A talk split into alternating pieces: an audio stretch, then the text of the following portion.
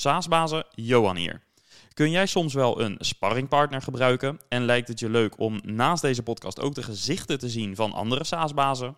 Schrijf je in voor de SaaS-bazen Meetup, een tweewekelijkse virtuele bijeenkomst waar Jan Aleman, bekend van aflevering 43, Rachel van Dijk, host van de SaaS-bazen Community, en ik je meenemen in het laatste SaaS-nieuws, interessante case studies met je delen en jezelf ook kunt deelnemen aan het gesprek.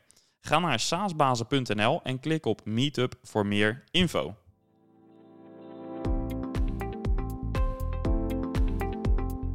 Yes, en dit is dus weer een nieuwe aflevering van de SaaSbazen podcast. Welkom. Mijn naam is Johan de Wit, ik ben de host van deze podcast en oprichter van Noordhaven.io. En deze podcast is de plaats voor jou als je wilt horen hoe andere SaaS-bazen hun business runnen. En naast de podcast is er ook een online community. Dat is de SaaS Bazen Community, die je kunt vinden op community.saasbazen.nl. Deze podcast wordt mede mogelijk gemaakt dankzij onze sponsor Leadinfo. Leadinfo is een Nederlandse scale-up die software maakt waarmee je precies ziet welke websitebezoekers er op jouw site zitten. Zo kan jouw sales team eenvoudig leads opvolgen en dankzij slimme notificaties die je zelf kunt instellen, is Leadinfo een steeds belangrijker onderdeel van de marketing en sales stack van veel B2B SaaS bedrijven. Ga naar hun nieuwe website leadinfo.com slash saasbazen om meer te weten te komen over de software. Vandaag maak je kennis met Joost Heiligers. Hij is de founder van Finly. En de software van Finly wordt gebruikt door bedrijven als KPN, Unive, ABN AMRO. Kortom, Finly weet grote Nederlandse namen aan zich te binden. De software bestaat uit een aantal modules waarmee je advies- en salesgesprekken kunt plannen, voorbereiden, houden virtueel en waarmee je ze kunt opvolgen. Joost legt straks uiteraard uit hoe dat werkt en hoe het product zo tot stand gekomen is.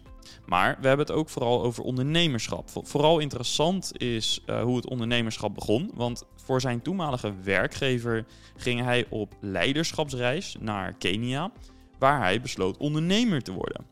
Wat heeft hij sinds die tijd geleerd en hoe kijkt hij aan tegen zaken als verantwoordelijkheid, tegenslag en het bouwen van een team? We gaan het horen. Let's go! Ja, Joost, van harte welkom in de SaaS Bazen podcast. We gaan het uh, vandaag hebben over jouw uh, business. Ik heb gehoord van een collega dat je nogal een uh, storyteller bent. Dus dat belooft heel goed voor vandaag. Um, dus ik leg de lat niet te hoog, hoop ik.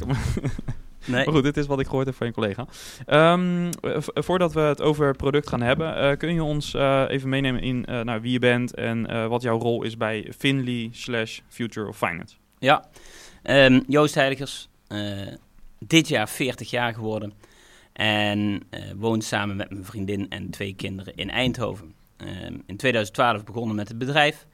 En ik ben daar nu uh, algemeen directeur. zit op sales en product development. SaaS-baas toch gewoon? Nou, ik vind CEO vind ik al heel lelijk om te vertellen. Ehm, en, en, en, baas vind ik helemaal een woord wat ik niet zou gebruiken. ja, dat is overigens, dat komt ook wel terug. Ik heb collega's van je gesproken en die uh, zeggen inderdaad ook, uh, die geven dat beeld inderdaad een beetje terug. Dat je bepaald niet als een baas opstelt, maar meer als een leider. Um, maar goed, daarover ongetwijfeld later meer. Um, de naam is gevallen, Finley en Future of Finance. Kun je vertellen wat jullie doen? En misschien ook gelijk goed om even een stapje terug te maken van hoe is het ontstaan? Ja, ja, lijkt me goed. Ik uh, werkte uh, tot 2012 bij een intermediair in de financiële dienstverlening. En daar moesten wij uh, hersteladvies geven op woekerpolissen. Dus wat moest er gebeuren? Grote batches klanten moesten benaderd worden. En die moesten eigenlijk van situatie A naar situatie B. Van een niet zo goed product naar een goed product. Dat is de oorsprong van onze software. En daarnaast in 2013 kwam er een provisieverbod in de financiële dienstverlening. Dus de druk kwam uh, te staan op de kosten van het advies. Onze software helpt dus eigenlijk onze klanten met ze aanschrijven, een afspraak inplannen, het gesprek voeren en uh, doen wat je hebt afgesproken. Ja, dus jullie klant, de klant van Finley, is een uh, financieel dienstverlener. En uh, die moet uh, zeg maar op grote schaal moeten ze advies geven aan eindconsumenten bijvoorbeeld. Ja. En um, nou, hoe doen ze dat met Finley? Ja, dus uh, ze schrijven de klanten aan met een e-mail. dan hebben we een online agenda om de afspraak in te plannen. Dan krijgen zij een prepare pagina waarin ze eh, het gesprek voor kunnen bereiden, de klant. En dat kan documenten uploaden, downloaden, gegevens invullen zijn. Vervolgens hebben we een webcam en schermdeeloplossing om het gesprek te voeren. En daar komt dan een uh, adviesrapport uit wat direct digitaal getekend kan worden. Ja, en hoe ging dit voor het Finley-tijdperk, zeg maar?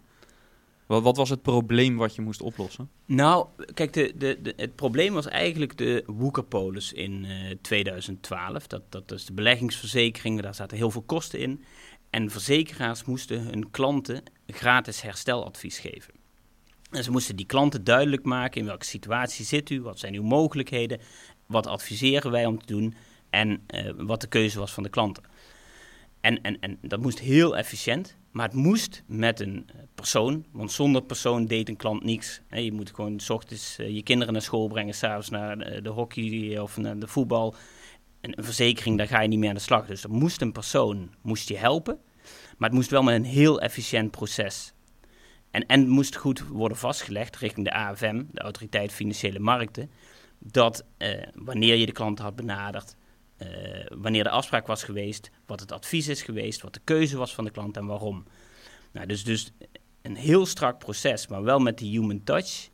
Uh, dat was de vraag en daar hadden wij een oplossing voor. Ja, en hoe zag het MVP eruit, de allereerste versie? Ah, de allereerste versie was gewoon eigenlijk een, een, een um, klein stukje zelf ontwikkeld en was uh, een, een, paar andere producten aan elkaar geplakt. Uh, en, en daarmee zijn wij uh, van start gegaan. Ja, en vandaag, waar staan jullie op dit moment met het product qua team? Kan je ons een beetje een beeld geven? Ja, we zijn nu. Um, wij hebben eigenlijk een, een, een bubbel gehad. Hè. Wij waren eerst een business process outsourcingsbedrijf. Dus wij hadden zowel de software in huis als de adviseurs die het uitvoerden voor onze klanten. Nou, toen hebben wij op een gegeven moment, waren we na een paar jaar met uh, 70, 80 uh, personen.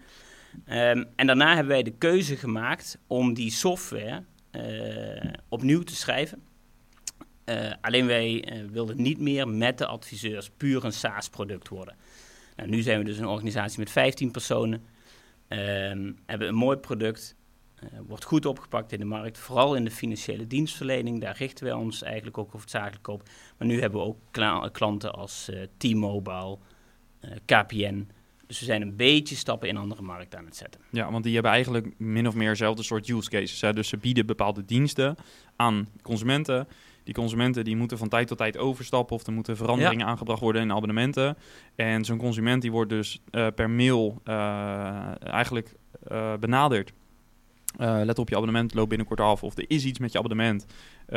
Plan nu je afspraak in. Ja. Kom je op de website van bijvoorbeeld KPN. En dan kies jij als consument kies je een moment. Uh, dan geef je aan, er moet iets geüpload worden. We hebben een document van je nodig. Een, nou, wat, wat, het ook maar kan zijn. En vervolgens kom je in een soort virtuele omgeving waarbij je kan videobellen.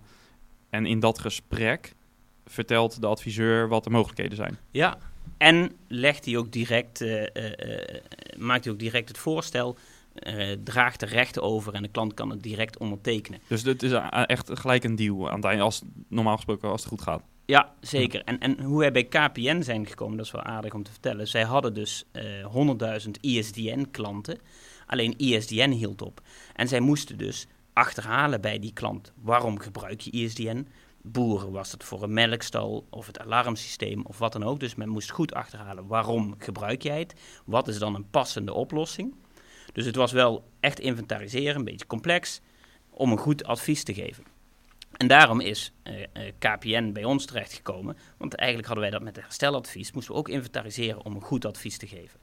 En zo is KPN ontstaan en nu wordt dat veel breder binnen KPN gebruikt op verschillende onderdelen. Ja. En hoe ziet dat uitvragen eruit? Want inderdaad, om te achterhalen hoe een bepaalde hoe een ISDN-verbinding wordt gebruikt, daar zitten natuurlijk vragen aan, maar dat kan niet zomaar uh, iedere willekeurige helpdesk-medewerker, kan ik me voorstellen. Of hebben jullie dat op een andere manier aangepakt? Nou, um, wij, wij, hebben dus een, een, een gespreksstructuur uh, of een playbook, hoe je dat ook noemt. Hè. Um, en, en die heeft drie views. die heeft een view voor de klant, die, zodat hij dat in de voorbereiding in kan vullen. Daar zit een view in voor de adviseur, waar hij zijn zaken in kan doen. En daar zit een view in voor tijdens de webcam- en schermdeelsessie, waarbij je allebei daarnaar kunt kijken. Dus wij proberen die klanten eh, van tevoren eh, goed het voor te laten bereiden, die adviseur goed laten voorbereiden en tijdens het gesprek ook een, een format mee te geven, zodat ehm, het eh, iedereen eigenlijk wel kan doen. Eh, maar je moet wel, eh, eh, wij geloven wel echt in de mens en, en, en dat die het verschil maakt. Hè. Dus het, is niet dat het een, een gespreksstructuur is waar je eh, vraagjes voorleest en, en dat soort dingen. Dus we proberen wel echt dat het persoonlijke gesprek goed naar boven komt, maar wel dat het leidt tot een deal leidt tot een verandering of leidt tot wat je wil. Ja. Eh, misschien ook interessant voor SaaS-basis die luisteren en die denken van ja, we hebben ook een SaaS-oplossing en ik zou ook ehm, ehm, met bedrijven als KPN, T-Mobile, die je noemt, maar eh, er zijn natuurlijk meerdere namen ook op jullie website te vinden. Ehm, eh, hoe, hebben, eh, hoe hebben de onderhandelingen of misschien eh, hoe even, hebben de sales trajecten eruit gezien om dat soort partijen binnen te halen? Want dat is voor een start-up, kijk nu zijn jullie best wel een tijd bezig, maar jullie hebben dit soort klanten al een tijd. Dus eh, ja, hoe heeft die, dat proces eruit gezien? Ja, nou dat duurt veel langer eh, dan je denkt. Ehm, we hadden het geluk dat wij met die, met die business process outsourcing, wat we eerst deden, daar hebben wij goed ons geld mee kunnen verdienen. En daarmee hebben wij ons product verder kunnen bouwen en dat soort zaken. Ehm, maar deals met dat soort grote partijen, van eh, eerste contact tot en met het contract getekend en dat security akkoord is en alle zaken, daar, daar moet je gewoon anderhalf jaar voor rekenen. Ehm, als je dat van tevoren weet, dan begin je nooit aan zo'n traject. Maar gelukkig word je daar een beetje ingezogen. En denk je elke maand dat je nu komt die deal wel. Eh, uiteindelijk duurt die, als je het zult zien, eh, richting een jaar. Ja. Ehm, is dat antwoord op jouw vraag? Ja, ja, zeker. Ja, zeker. Omdat eh, ik, ik hoor dit vaak, hè, en, en, eh, de vraag die hierachter zit. Ehm, ik krijg ook vaak de vraag van uh, SaaS-bedrijven, eh, we beginnen net, we hebben het product, MVP is wel gevalideerd, eh, maar nu willen we het in de markt gaan zetten.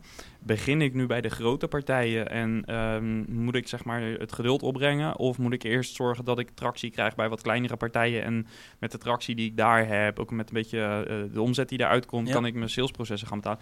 Nou, dat is, ik denk niet dat er één eh kant-en-klaar antwoord voor is. Hè. Ik denk dat de situatie per, eh, of denk dat het per situatie verschilt. Maar ehm, wat jij eigenlijk zegt, als je je op die grotere richt, zorg dan dat je een jaar runway hebt, Ja. minstens, omdat het zo lang gaat duren. Ja, nou ja, ehm, ik, ik zeg ook altijd met, eh, want je zegt van ja, ik denk niet dat er één waarheid is. Ik zeg ook altijd, alles is waar en het tegenovergestelde ook. Ehm, voor ons is het zo geweest dat wij ons zowel op kleine partijen als op grotere partijen hebben gericht. Ehm, omdat je als sales wil je ook af en toe succes boeken.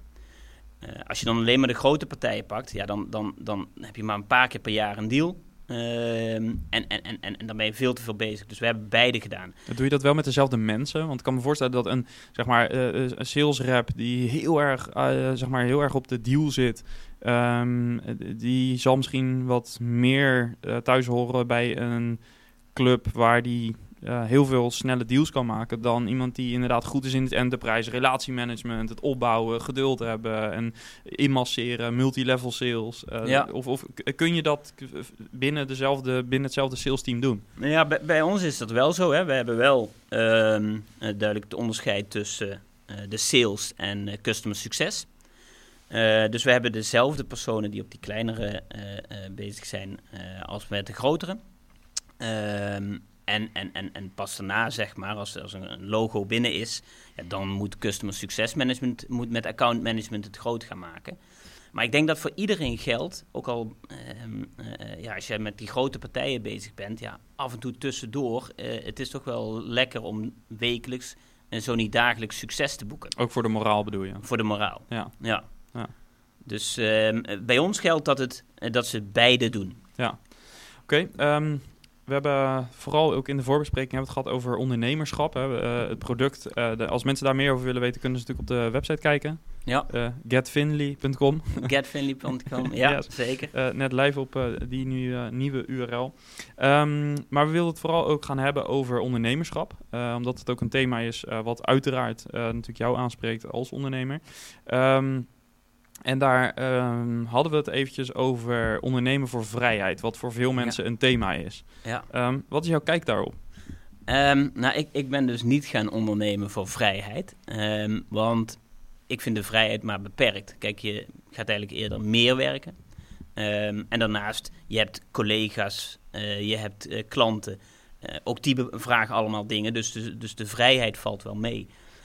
Ik vind tegenwoordig moderne werkgever geeft je veel vrijheid. Hè. Bij ons hoef je absoluut niet te zeggen hoe laat je begint en eindigt. Ehm, ik, ik zeg altijd, ja, we betalen je voor een aantal uren. Dat wil ik dat het goed zit. En verder rest moet je het zelf maar zien. Dus ik denk dat je bij een werkgever, bij een moderne werkgever, genoeg vrijheid krijgt. En ook autonomie om, om dingen te bepalen. Voor mij gold, ik wilde echt, eh, ik vind één gaaf om iets te creëren. Hè, van, van, we hadden in het begin nul klanten.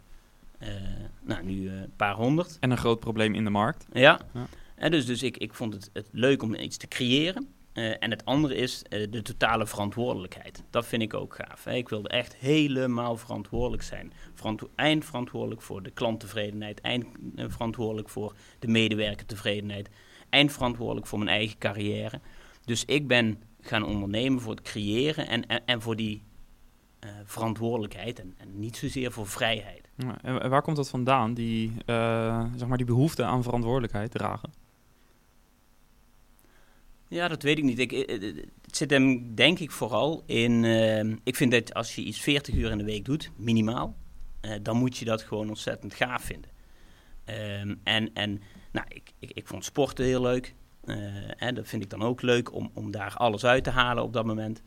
Ehm, en ik, ja, dat heb ik met het, het, werken ook. Ja, ik wil iets doen wat ik echt leuk vind. Ehm, en, en work-life balance, natuurlijk is er wel een verschil een beetje tussen work en life. Maar ik vind, ik vind het werken zo leuk. Ehm, ik, ik vind het leven daarnaast ook hartstikke leuk. Ehm, maar ik vind, ik, vind het heel belangrijk dat je iets doet wat je gaaf vindt en, en dat je echt een kick van krijgt. Ja, daar zit dat verantwoording, eh, verantwoordelijkheid nemen zit daar ook in. Ja, en wat is de keerzijde van die verantwoordelijkheid? Want je hebt een verantwoordelijke rol. Eh, je zei het al eh, over medewerkers, over dus je teamleden, maar ook over de klanten die je hebt. Je hebt heel veel verantwoordelijkheden. Zijn daar ook keerzijdes aan? Ehm, ja, goede vraag. Ik, ik, voor mij eigenlijk niet, denk ik. Omdat ik, ik kan best wel goed relativeren. Hè? Dus ik, als ik dan om half zes bij mijn kinderen ben of zes uur, dan ben ik ook wel daar. Dat heb ik ook wel moeten leren. Hè? Dat, eh, ben daar waar je bent. Eh, dus, dus als ik op het werk ben, dan ben ik volledig op het werk. Als ik met de kinderen ben, dan ben ik volledig met de kinderen. Maar het is niet zo dat ik eh, eigenlijk s'avonds nog in bed lig te malen of, of wat dan ook. Dus ik, ik, ik merk eigenlijk geen eh, nadelen van die eh, volledige verantwoordelijkheid. Ja. Eh, en dat, dat present zijn, wat je beschrijft, je hebt dat moeten leren. Eh, wat kan je daarover zeggen? Eh, wat, wat, wat, wat heb je moeten ontwikkelen? Welke skill, welke, welke emotie, wat heb je moeten ontwikkelen om dat wel te kunnen? Ja, ehm, kijk, ik ben daar waar je bent. Dus als ik met mijn kinderen ben, dan moet ik echt mijn telefoon aan de kant leggen. Dan moet ik bezig zijn met die puzzel of bezig zijn met dat boekje en niet aan iets anders denken. Ja, dat is extreem moeilijk. Ehm, en, en dat gaat nog steeds niet altijd goed. Eh, dus dus eh, als je zo'n dag hebt gehad, ja, dan, dan komen er toch nog allemaal dingen naar boven. En zeker als de snelheid van hetgeen wat je aan het doen bent met je kinderen niet zo hoog ligt, Ehm, ja, dan, dan, dan kunnen je gedachten heel erg afdwalen. En dan moet ik mezelf echt bijsturen van nee, nu ben ik dit aan het doen. Nou, dat is wel interessant, want terwijl je dat antwoord geeft, ehm, eh, realiseer ik me dat het andersom volgens mij niet zo vaak is. Dat je, tenminste, ik heb zelf geen kinderen, maar natuurlijk heb je wel een privéomgeving. En eh, in alle eerlijkheid moet ik bekennen dat het vaak genoeg voorkomt dat ik tijdens het eten s'avonds of gewoon s'avonds dat ik niet aan het werk ben, dat ik wel aan mijn werk denk. Maar overdag, als ik aan het werk ben, dan denk ik niet zo heel snel aan thuissituatie. Ik hoop niet dat mijn vrouw nu luistert. nou, het is wel grappig. Ik heb er nooit zo over nagedacht. Maar nu je het zegt, denk ik wel, eh, ja, het, eh, het is helemaal waar.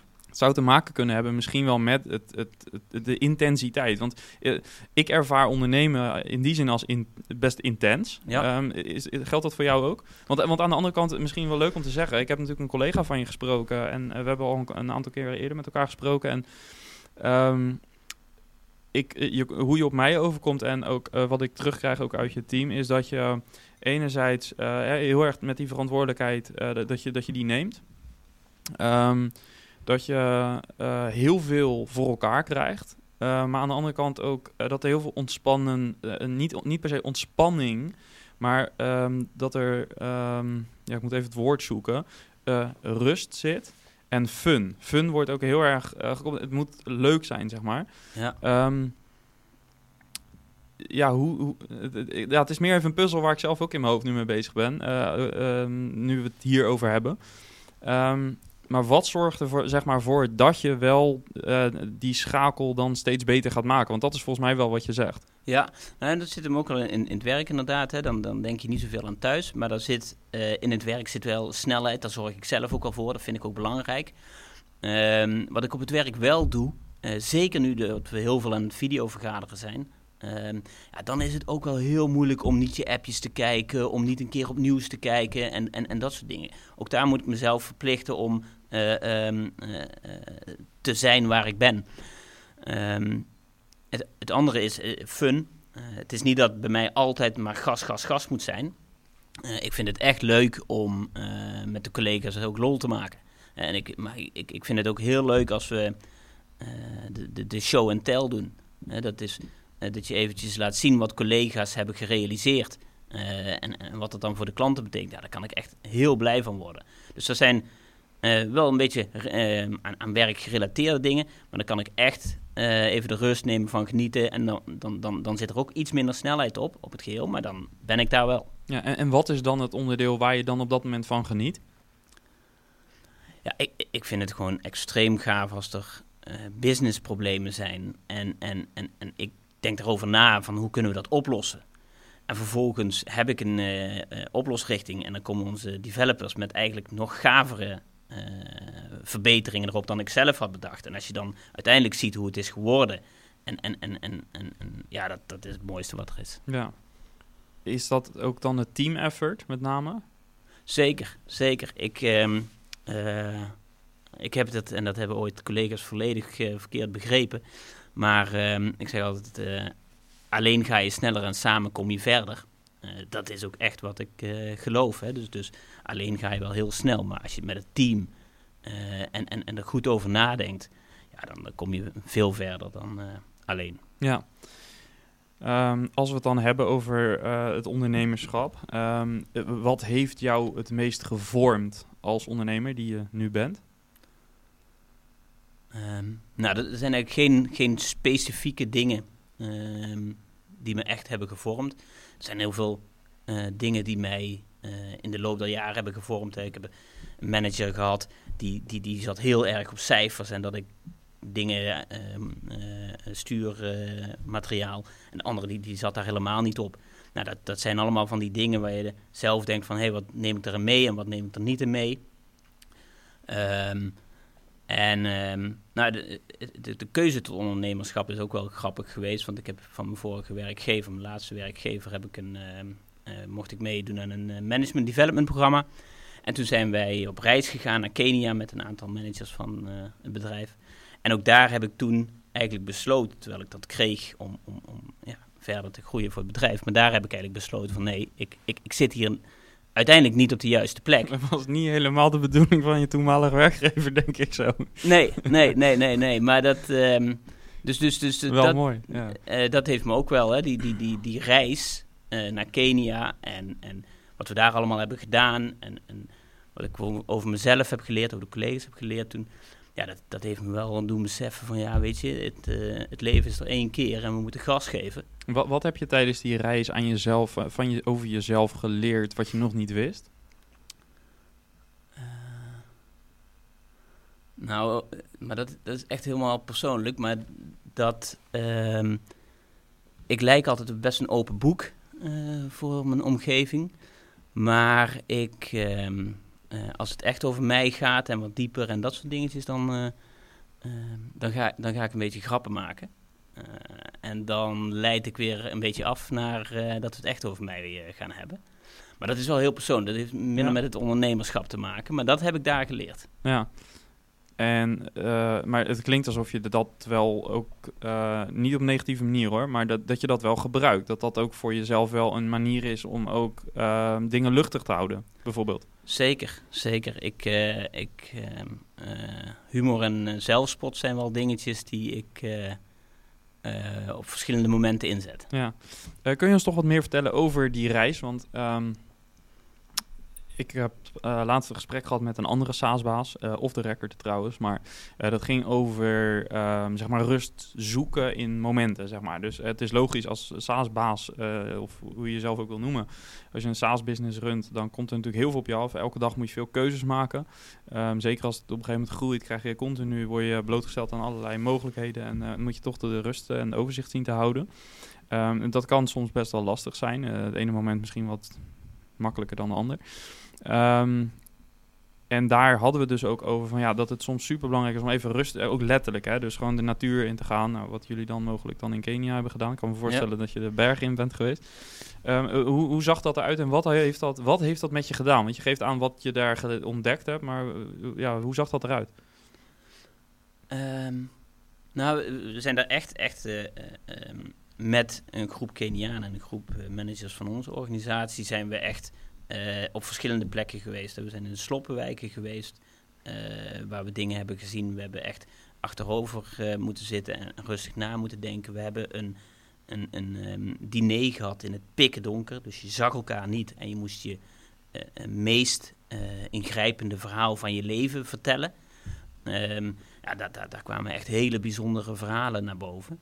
Um, dus, dus ja, dat programma zat zo goed in elkaar. Dat, dat, daar werd je echt even teruggeworpen naar, naar wie jij bent. En, en, en, en echt daarna gekeken. En vanuit verschillende perspectieven. Uh, en, en door verschillende situaties. Uh, ja, leerde je echt wel heel veel van jezelf kennen. Ja. Um, de, de, de vraag die ik stelde was ook, uh, dus wat heeft het meest gevormd? En eigenlijk zeg je van, nou, het is niet één punt geweest wat echt, wat ik nu, wat mij echt gevormd heeft, maar er zijn verschillende situaties zoals bijvoorbeeld uh, nou ja, uh, deze reis ja. die da daarin bijdragen. Zijn er ook nog andere zaken waarvan je zegt van het is misschien niet wat me echt gevormd heeft, maar dat is wel, heeft mij wel geholpen in de manier waarop ik besluiten neem of denk? Nou, um, op onze website staat dat ook. Het overlijden van onze collega, wat over een paar dagen een jaar geleden is. Um, vorig jaar waren we een, een, week thuis aan het werken. En toen is onze collega Jeffrey uit het niets, 31 jaar, met een hartaanval overleden. Um, en en, en dat, dat, vroeg jij of mij dat heeft gevormd. en dat is ook dat vormt een beetje mee. Dat, dat, dat doet je wel echt beseffen van jeetje, 31 jaar net samenwonend en, en het kan zomaar in één keer afgelopen zijn. Dat vormt je ook weer in het denken. Dat vormt je ook richting het team. En we zaten allemaal thuis. Er mochten maar drie mensen daadwerkelijk afscheid gaan nemen. De rest heeft het via een video kunnen kijken. Um, nou, hoe zorgen we nou met het team dat we, dat we even kijken met iedereen hoe ze daarmee omgaan. Um, iedereen gaat daar ook anders mee om. Uh, dus dus zijn allemaal van die kleine gebeurtenissen die vormen. Ja. Um, een ander onderdeel wat we even besproken hebben is de, de keuze maken. Hè? Dus um, zit je echt, heb je echt een SaaS-product of is het meer een dienst daaromheen en ja. een SaaS-product? wat kun je vertellen over die keuze? Nou, wij, wij, wij zijn dus begonnen Um, en dat was dus op het hersteladvies van de zogenaamde woekerpolissen. Dat wisten we dat dat probleem maar een paar jaar was. Um, en, en, en daar hadden wij de, de adviseurs en uh, onze, onze softwareoplossing. Dus wij voeren het helemaal uit, business process outsourcing. en, en, en toen hebben we gekeken van ja, gaan we hierin door of, of gaan we iets met die software doen? Want eigenlijk zagen we van die software, ja, dat is op zoveel plekken relevant waar een klant van situatie A naar B moet uh, om dat op een heel efficiënt uh, proces te doen. Dus we hebben die software opnieuw geschreven. Um, en, en, en dat zat hem ook wel in de schaalbaarheid en, en, en de kick van puur dat product hebben. dat, dat vond ik nog gaver dan het, het, het, met die mensen. want dat is ook wel een enorme uitdaging van de juiste mensen. Dus wij, als we dat bleven doen, dan moesten we en de juiste mensen op software hebben en de juiste mensen adviseurs. Totale andere takken van sport. Dus we hebben echt gekozen van, we gaan puur voor dat product. En, en, en, en, hopelijk is met die schaalbaarheid kunnen we daar goed groeien. Nou, dat is gelukt. Ja, en was het een moeilijke keuze? Want rationeel kan ik hem heel goed voorstellen, maar ehm, ik kan me ook voorstellen, je, neemt ook afscheid van iets wat op dat moment wel goed heeft gewerkt. Ja, ja. Um, Ja, er, kwamen toen ook wel weer andere problemen in de markt. Hè, dus daar hadden we echt wel op door kunnen gaan. Maar ehm, ja, waar we echt zelf ook het gaafste vonden, ehm, ja, da, da, daar hebben we voor gekozen. En, en dat is echt die, die, die businessprobleem ehm, vertalen naar een oplossing. eh, en dat dan voor breder gebruik. Ja, dat, dat vinden wij echt gaaf. En, en, en wij dachten echt van ja, we, we moeten focussen. eh, met business process outsourcing, dat, dat, dat gaat ons in de lange, in de longway gaat het ons niet eh, verder brengen. Dus eh, dedicated SaaS is het geworden. Zeker, Ja. zeker. Ehm, wat is voor jou de, de grootste uitdaging in jouw rol als SaaS-baas? Nou, ehm, er zijn heel veel uitdagingen. Eh, en allemaal leuke uitdagingen. Eh, voor mij is één ehm, eh, van de belangrijke dingen operationeel versus strategisch bezig zijn. Ik ben nogal operationeel ingesteld. Wil ook graag overal helpen, meedenken en, en dat soort dingen. Maar je moet ook echt af en toe juist niet te operationeel en, en, en de grotere lijnen uitzetten. Nou, dat, dat is echt eh, een grote uitdaging. We hebben daar ook voor ehm, eh, een raad van advies. Die zorgt ervoor dat wij elk kwartaal eh, moeten rapporteren. Dus elk kwartaal kijken we eventjes terug en kijken we vooruit.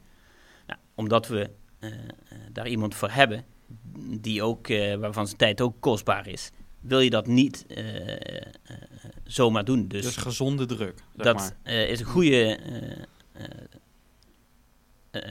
stok achter de deur Ja. om, om, om dat te doen. Dus wij, ik probeer daar ook gewoon, als je weet dat dat je valkuil is, dan, dan kun je daar gewoon echte maatregelen treffen om daar eh, iets mee te doen. Maar dat is een, eh, een uitdaging. Maar als SaaS-baas zit je ook met eh, pricing. Eh, welk model, welke waarde, eh, dat soort dingen. Private equity versus eh, eh, eh, het zelf doen. Eh, allerlei vraagstukken die eens in de zoveel tijd weer terugkomen, waar je, nou, ehm, waar, waar, die ook kunnen veranderen in de tijd, waar je nooit een definitief antwoord op hebt. Eh, dat zijn allemaal vraagstukken waar, eh, waar wij ons mee bezighouden. Ja. En is er één vraagstuk in het bijzonder waar je, en misschien heb je het besluit inmiddels al wel genomen, maar waar je in het verleden het, het meest eh, eh, behoefte had aan nou, de rol van de Raad van Advies?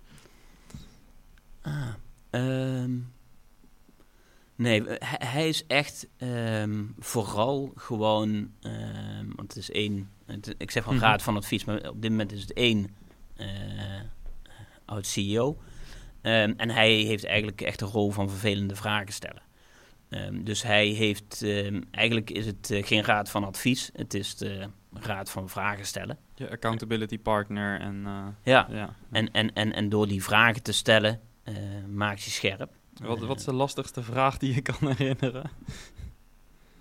Ehm, Of, of misschien een vraag die je ook zou willen doorgeven aan de luisteraar. Een vraag die jou echt eh, verder heeft gebracht. ehm, ik heb even geen vraag meteen scherp wat de vraag is geweest. Nou ja, waarom die klant?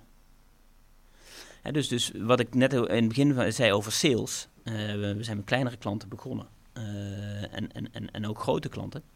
En ehm, ja, je moet heel erg uitkijken dat kleinere klanten wel eh, rendabel zijn. Ehm, dus, dus ik heb daar ook over geleerd, ik geloof van Jos Burgers of zo, van dat eh, behandel klanten ongelijk. Maar dus eh, hè, dat, dat is echt wel een, een, een vraagstuk eh, waar we mee bezig zijn. Van ja, hoe kun je ervoor zorgen dat de kleinere klanten ook rendabel zijn? En moet je die wel ehm, als klant hebben of niet? Ehm, nou, dat, dat, en, en ook dat is een vraagstuk wat in het begin weer anders was dan nu. In het begin nou, konden we helemaal niet een klant snel onboorden. Nou, nu hebben we dat best wel goed op orde. Dus dan kun je ook weer kleinere klanten gaan behandelen. Maar je, eh, je bent, eh, eh, in de eerste jaren hebben wij echt heel veel niet rendabele klanten gehad. Ja, dus het waren eigenlijk gewoon bad fit klanten. Alleen je haalde ze binnen omdat je misschien ook dacht van ja, dit is aanwas en we hebben dat nodig. Ja. Ja, en Ja. nu heb je de positie dat dat niet meer zo noodzakelijk is. Nee, dat. Maar nu zitten we wel weer in de positie dat die onboarding weer steeds beter wordt. Dus dat we ook wel weer de... Dus wat toen misschien een bad fit klant was, is nu misschien workable fit om, of misschien zelfs good fit, omdat het proces beter is. Ja, ja. Ja. maar daar kunnen we nog wel nog veel stappen in maken. Ja. Ehm, je zei ook, eh, er zijn ook eh, genoeg vraagstukken die vaak weer terugkomen, eh, waar ik helemaal geen antwoord eigenlijk op heb. Kan je daar eens wat voorbeelden van geven? Nou, Prijsing noemde je al even, hè, die, staat, die komt vaak terug. Overigens vind ik dat wel, wel, wel goed, want aan mij wordt ook heel vaak de vraag gesteld, hè, wat zouden we met onze prijsing moeten doen? En wat ik eigenlijk altijd zeg, het eerste zon, het is een beetje flauw antwoord misschien, maar eh, maak van prijsing een proces en niet een project. Dus eh, bepaal niet één keer je nieuwe prijsing. Eh, zie het nooit als project, maar blijf elk kwartaal reviewen. Want je product ontwikkelt ook door. Je markt ontwikkelt door. En zou je nooit moeten zeggen van oké, we hebben nu het project prijsing. En we zetten niks meer op de agenda voor de, voor de toekomst. Dus sowieso het begin met prijsing is in mijn ogen een proces. Dus in die zin denk ik ook dat het feit dat je net zegt... eh, ik heb daar eigenlijk geen antwoord op. Ik denk dat dat alleen maar positief is. Want dat geeft volgens mij Ja. aan dat je continu blijft reviewen. Ja, nee, dat, dat, dat is waar. Ehm, maar het, het, het is wel zo dat wij nu heel veel klanten in een bepaalde pricing model hebben. En eh, wat intern, wat wij altijd zeggen, het moet heel duidelijk zijn eh, waarom een klant betaalt wat hij betaalt. Ehm, als onze klanten onderling overleg zouden hebben, dan is het nooit dat een verrassing is dat die ene veel meer betaalt dan de ander.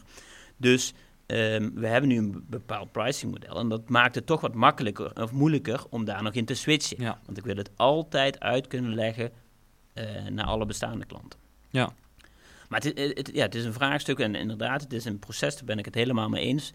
Ehm, en en, en nou, af en toe voor een tijdje mag dat ook even vaststaan, maar dan eh, je mag dat genoeg ehm, eh, blijven challengen voor jezelf of, of het het juiste model is. Ja. Als je het maar over de hele linie doet. Dat is eigenlijk wat je zegt. Niet dat de, de klanten onderling dus dat daar verschillen ontstaan. Nee, Ja. nee. Oké. Ja. Eh, zijn er nog andere van dat soort thema's die eh, terugkerend op jouw agenda staan waarvan je zegt ik heb daar nog niet echt het antwoord op? Ehm, nou ja, private equity. Hè, we hebben wel eens wat gesproken met wat partijen, omdat ze dan van ons hadden gehoord of eh, wat dan ook. We hebben zelf nog nooit initiatief daarin genomen, maar dat, dat, dat ontstond. Ehm, en ik vind er niks mis mee met private equity. Ehm, ik vind ook dat dat eh, eh, eh, zorgt voor een bepaalde scherpte die, die we nu hebben met de Raad van Advies. Hè. Die zorgt er ook voor dat we focussen, focussen, focussen. Nou, ik, ik, ik, zie met private equity naast dat ze geld hebben, maar ik zou alleen maar intelligent, eh, intelligent geld willen hebben. Eh, puur geld eh, niet, maar intelligent geld. En, en, en mensen die met je meedenken, maar die je ook op scherp zetten. Da- da- daar zie ik echt wel allemaal voordelen van. Van de andere kant eh, hebben we een, een gezond bedrijf, een goed bedrijf, we maken winst. eh, kunnen we zelf de groei eh, financieren.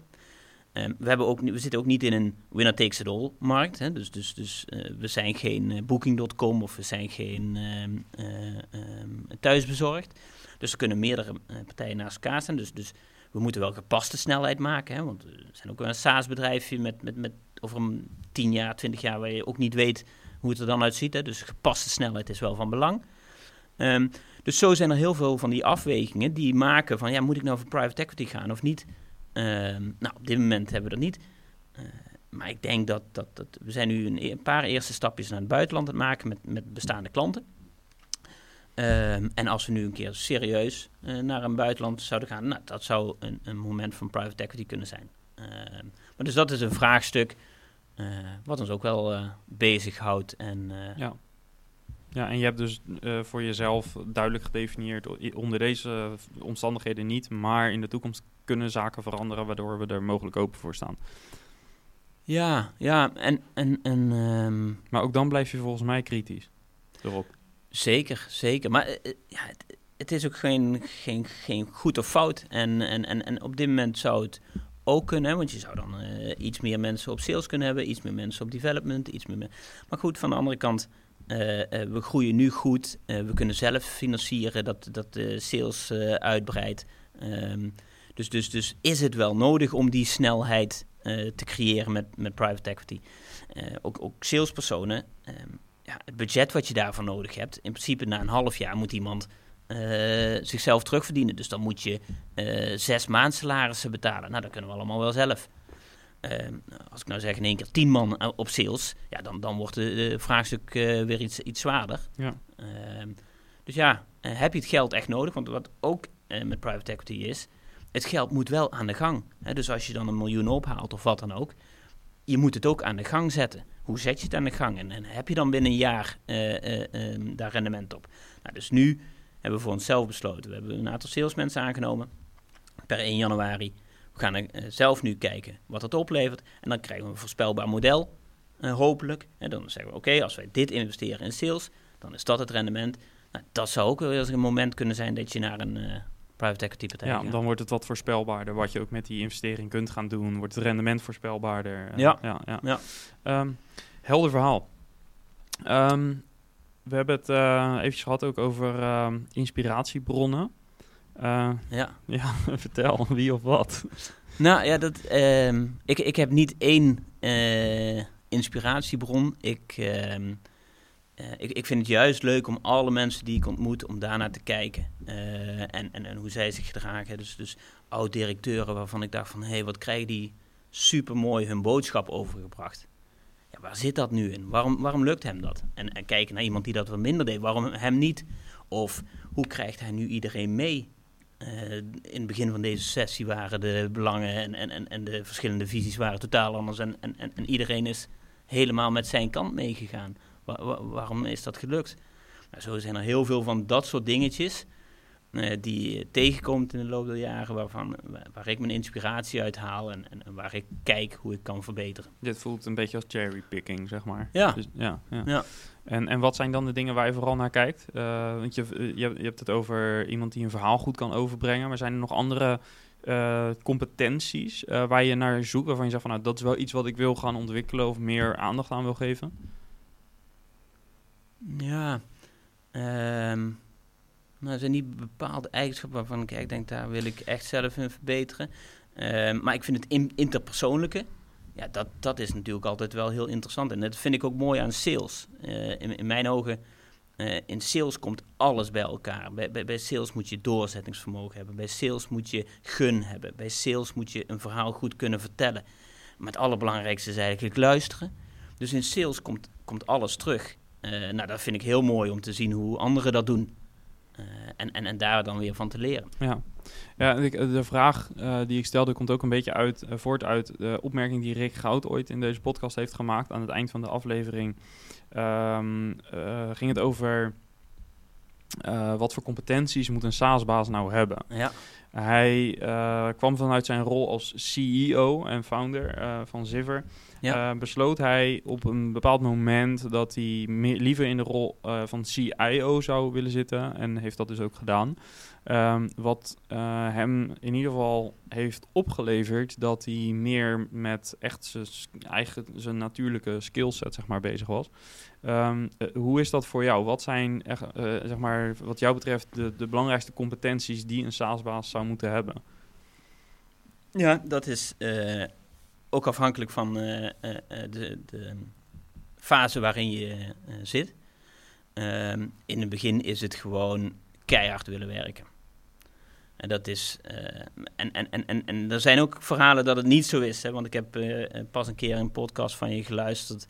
Ehm, ik weet even niet uit mijn hoofd van eh, wie, maar die, die hadden vanaf het begin af aan dat het eh, een 9 tot 5 mentaliteit Lead was. info. Ja, Ja. lead info inderdaad. Nou, dat, die, die, ik heb in het beginjaren niet de 9 eh, tot 5 mentaliteit gehad. Nu probeer ik dat wel. Hè. Ik, ik, ik, eh, ik ben er eh, rond half zes, zes uur thuis voor de kinderen. S'avonds om half negen gaat wel een laptopje open. Maar, en in het weekend eh, ben ik met de kinderen en het gezin. Dus, dus, dus nu is die verhouding veel beter. Maar dat is in het begin is het gewoon keihard heel hard werken geweest. Ehm, en daarnaast ja, moet je toch wel een, paar competenties bij elkaar hebben. Je moet toch wel inventief zijn, creatief. Van ja, een businessprobleem, hoe leidt, ik nou, hoe leidt dat nou tot echt een oplossing? Ehm, dus je moet eh, inventief, creatief zijn, eh, hard willen werken. Ehm, een beetje met teleurstellingen om kunnen gaan. hè, Want eh, het Excel-sheet wat je maakt, eh, dat, dat gaat zeker niet kloppen. Hè. Dus, dus eh, wij waren eh, een paar jaar eh, geleden al veel verder geweest ehm, dan eh, wat we in het begin dachten dan daadwerkelijk is geweest. Hè, dus doorzettingsvermogen. Nou, dat zijn, nou, en daarna, ehm, nu komen wij dus in de fase, we hebben dus een aantal eh, eh, op sales, we hebben een aantal op ehm, eh, sales en we hebben een aantal mensen op ehm, eh, customer success management. Nou, nu wordt mijn rol ook het percentage van hard werken.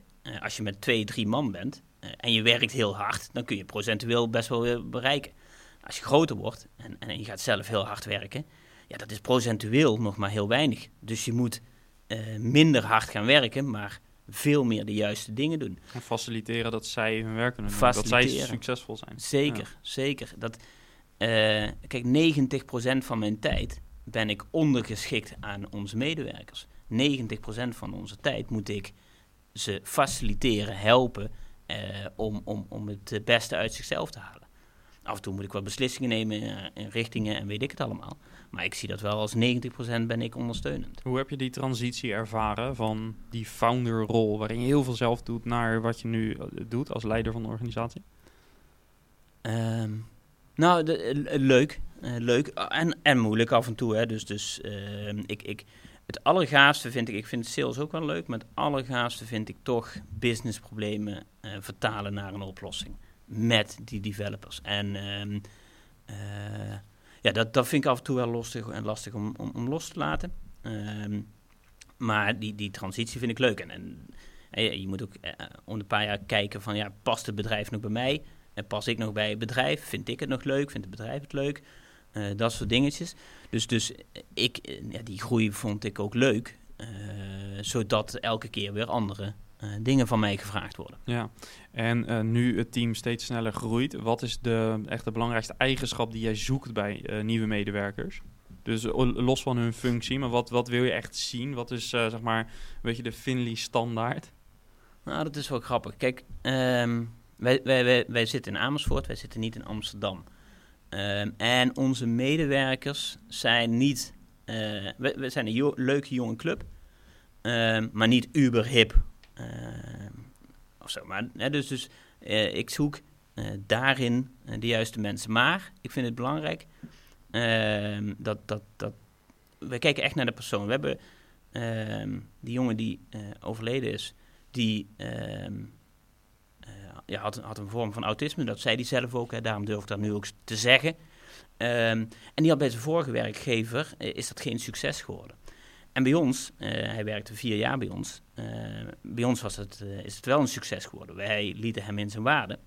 Wij lieten hem zijn wie die was. en nou, daar, daar, kregen we superveel voor terug. Dus ik vind het ook leuk om, om gewoon te kijken naar de kwaliteiten van iemand. en juist ehm, mensen die misschien niet meteen logisch zijn, te kijken of we die wel neer kunnen zetten. Dus, dus je zegt eigenlijk, uh, er is niet één uh, specifieke eigenschap die ik in iedereen zoek, maar kijk meer naar wie, uh, wie, wat, wie is de kandidaat, wie is de persoon. Ja. En um, waar ligt de kracht en hoe kan ik dat zoveel mogelijk laten ontwikkelen en laten eruit halen. Zeg maar. Ja, ja, kijk, en nu is het wel zo dat bij, dat is dan bij developers en, en salesmensen wel een beetje een verschil. ik ben zelf geen developer. Dus ik kan ze inhoudelijk niet beoordelen. Dus ik kan ze alleen maar beoordelen op, uh, uh, is het een snelsnappertje? Uh, snapt hij snel de dingen? maar echt inhoudelijk op PHP, Laravel, dat soort dingen kan ik niet beoordelen. En dat is wel lekker, om dat ook wel getoetst te hebben in, een, in zo'n procedure. Dus bij de developer krijgen we toch wel echt ook eventjes naar de inhoud. Ja, naar echt harde skills. Naar de harde skills. Ja, ja. Waarbij bij de sales is het um, vooral...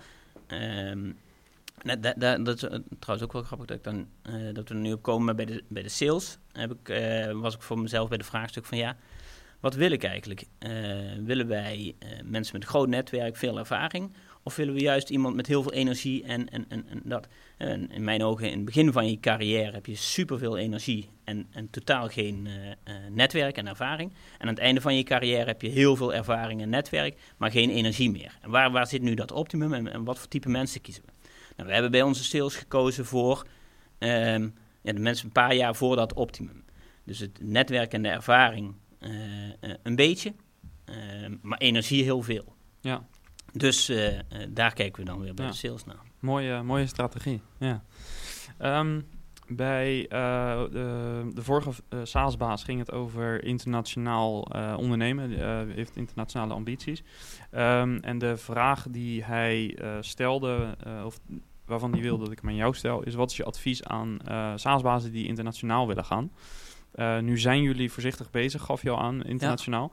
Ja. Um, heb je een advies? Zou je iets kunnen delen? Nou, dat, dat is ook wel... eh, wat ik eerder in eh, de uitzending ook zei, van ja, alles is waar en het tegenovergestelde ook. Wij zijn echt eh, heel nationaal eh, tot op heden. We hebben ook eh, gedacht van ja, wij, wij gaan niet ons geld eh, eh, oprassen in het buitenland, vergalopperen. En, en we zorgen eerst voor echt een goede, goede basis in Nederland.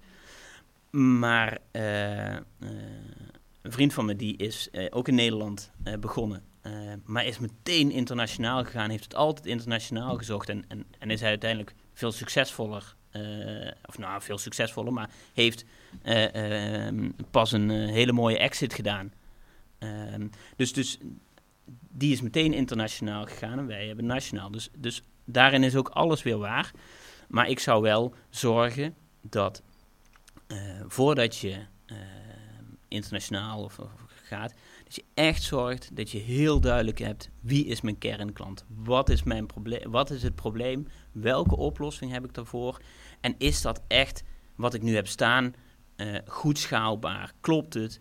En, en je moet niet hebben dat je aan de achterkant nog allerlei dingen aan elkaar moet knopen en, en, en dat die groei nog niet klaar is. Je moet echt de kernklant hebben, je moet daar een goede oplossing voor hebben. eh, en klaar zijn voor die groei. Ja, en eh, als we de vraag dan eh, nog een klein beetje twisten en eh, het internationale karakter er een beetje uithalen, maar wat zijn überhaupt succesfactoren voor een goed SaaS-product in jouw ogen?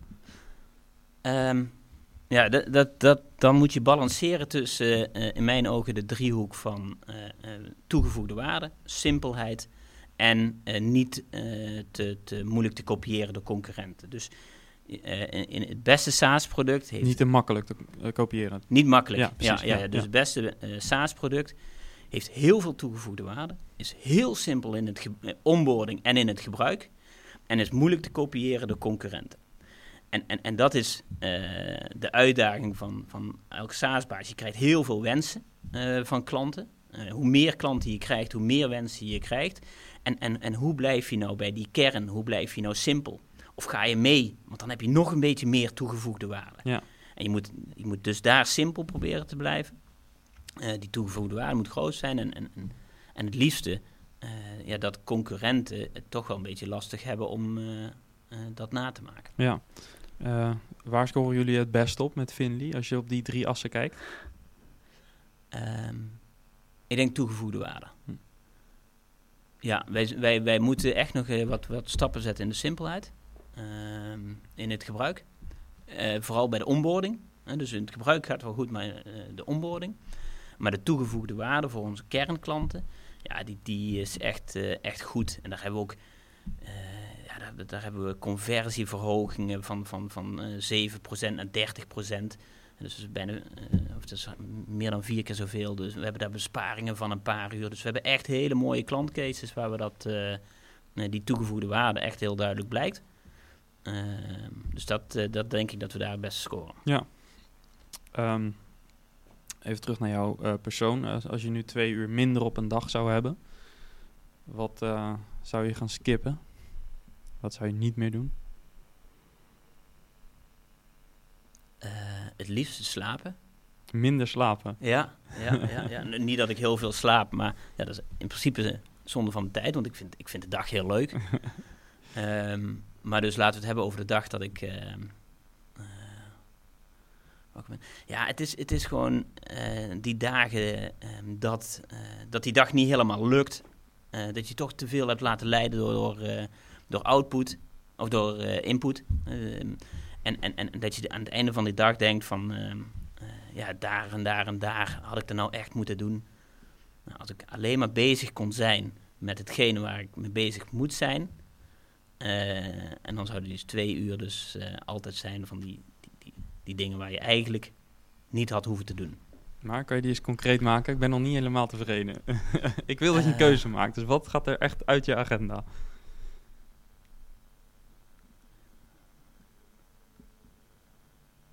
Ehm,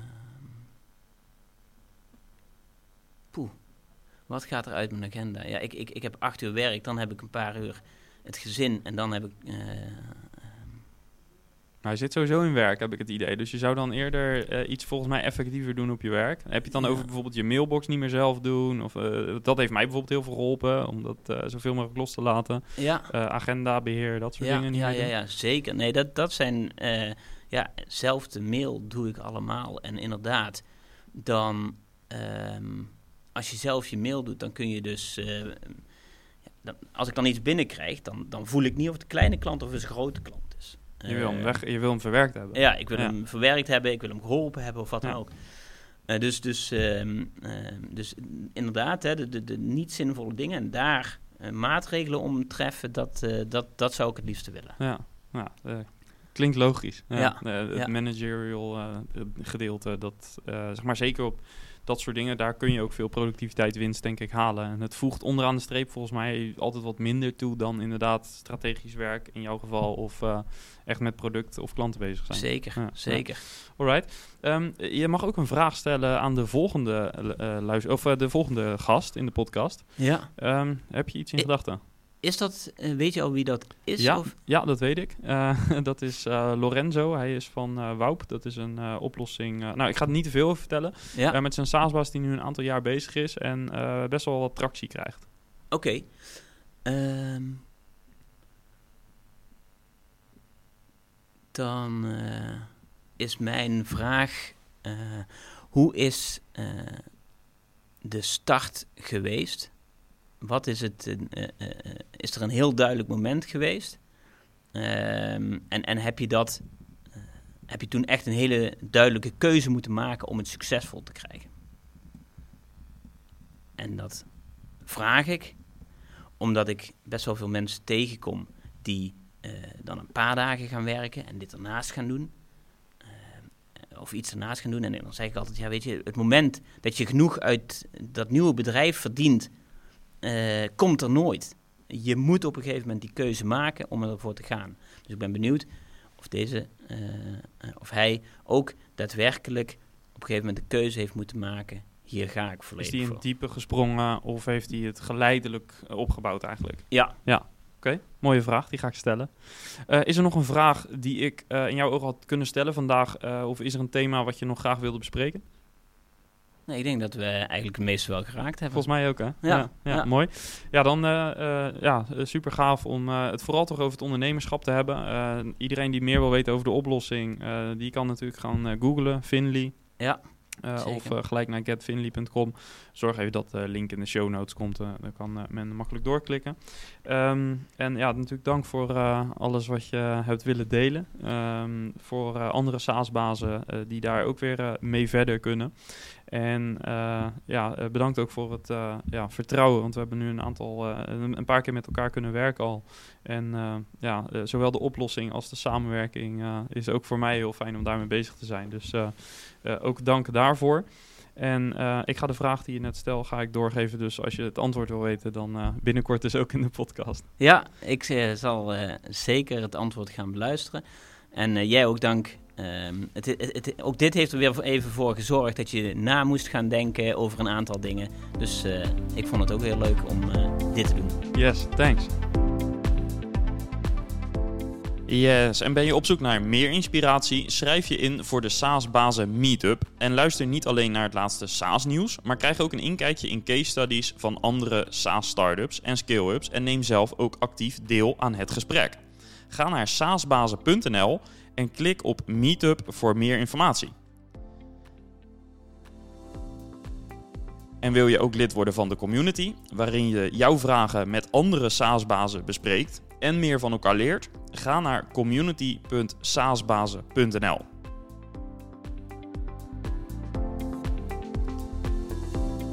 En tot slot wil ik je vragen een review achter te laten in de podcast-app die jij gebruikt. Daarmee help je ons om de podcast nog beter te maken en te laten aansluiten op jouw wensen. Bedankt weer voor het luisteren. Heel graag tot volgende week. Bye bye.